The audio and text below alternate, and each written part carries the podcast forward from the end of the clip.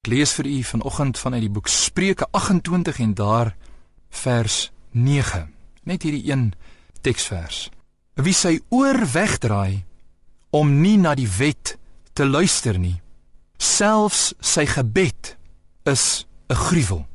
Geagte luisteraar, in hierdie gedeelte sien ons baie duidelik dat daar in die tyd toe hierdie woorde neergeskryf is, maar ook in ons eie tyd weet ons dit, dat daar mense is wat nie na die wet van die Here wil luister nie. Ons teksvers stel dit baie duidelik dat hierdie mense hulle ore wegdraai om nie na die wet te luister nie. En hieruit lei 'n mens nogal af dat hierdie persoon was besig om te luister, maar nou het hy sy oor weggedraai om nie na die wet van die Here te luister nie.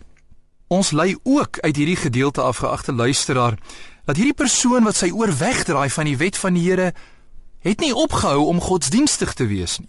Dis 'n persoon wat dalk nog bid, want ons skrifgedeelte sê dat hierdie persoon dat selfs sy gebed 'n gruwel is. Dit beteken hierdie persoon bid nog. Hy's nog godsdienstig. Hy wil nie geken word as iemand wat 'n heiden is nie.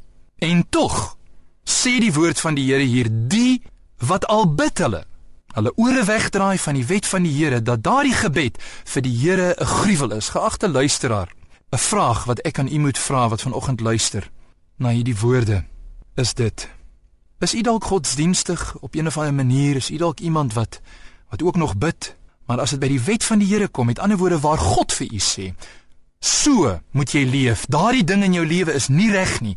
Jy moet so leef, maar dat u u hart en u oor wegdraai van God as hy met u praat, dan moet ek vir u sê, geagte luisteraar, u gebede voor die Here sê hy word nie deur hom aanvaar nie. Dit is 'n gruwel.